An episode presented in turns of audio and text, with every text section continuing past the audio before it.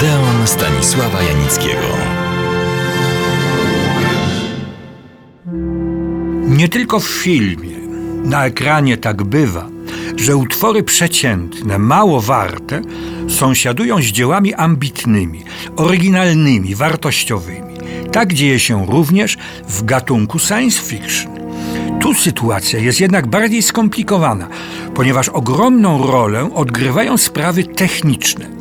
Film science fiction może być nijaki, miałki lub wręcz głupawy, ale używając najnowszych, kiedyś trikowych, dzisiaj komputerowych środków i rozwiązań, może oszałamiać, porywać, zachwycać.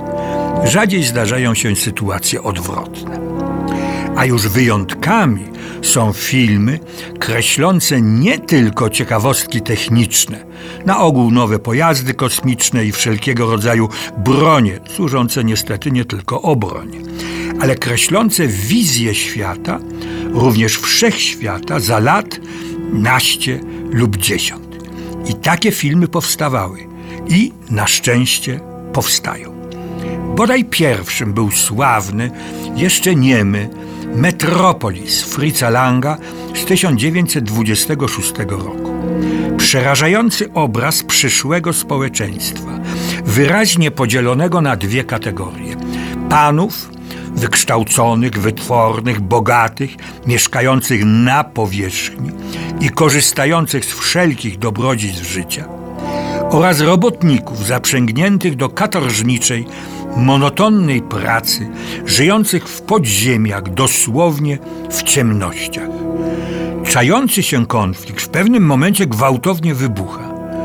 Niejako, czy paradoksalnie, motorem akcji jest miłość. A jest to miłość syna władcy i dziewczyny z podziemia. Towarzyszą jej intrygi, zbrodnie, prowokacje, sabotaże, szantaże, katastrofy, powódź w podziemiach itd., itd. W finale następuje szlachetne, ale mało przekonywające, symboliczne pojednanie panów i robotników. Użyte w tym filmie triki, rozmach inscenizacji, obraz przyszłego miasta Molocha, wzorowanego na ówczesnym z lat dwudziestych Nowym Jorku, budzą i dziś zdumienie i uznanie. Zawartość treściowa, myślowa budziła i budzi po dziś dzień wątpliwości, zastrzeżenia, czyli tak zwane kontrowersje. Ogólna, nadrzędna wymowa filmu Metropolis jest jednoznacznie humanistyczna, ale owo braterskie pojednanie dwóch tak skrajnie skonfliktowanych stron czy sił jednak naiwne i wyłącznie życzeniowe. Pod każdym względem odmiennym filmem science fiction jest głośny przed laty, a niesłusznie zapomniany film francuski z 1966 roku Fahrenheit 451. Powiem zaraz, że ów Fahrenheit 451 to temperatura, w której pali się papier, w tym przypadku książki. Film oparty jest na głośnej powieści Ray Bradbarego z 1953 roku, która była wielkim wydarzeniem przede wszystkim w Stanach Zjednoczonych i powieść, i film są, uogólniając, opowieściami o świecie, w którym ludziom odebrano prawo myślenia, a zastąpiono je wszechobecnością środków przekazu audiowizualnego, czytaj telewizyjnego.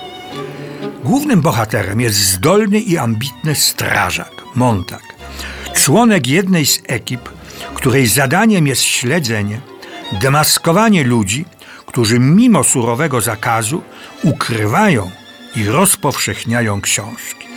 Książki znalezione zostają publicznie spalone, a ich posiadacze w różny sposób karani.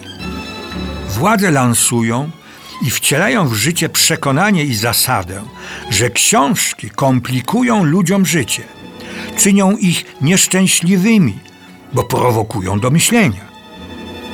Żona wspomnianego strażaka marzy o posiadaniu czwartej ściany telewizyjnej i uczestniczeniu w życiu telewizyjnej rodzinki, która zastępuje jej życie prawdziwe. Główny bohater spotyka poznaje młodą dziewczynę, która jest jedną z tych nielicznych, nie ulegających ogólnemu, wymaganemu przez władzę stylowi życia.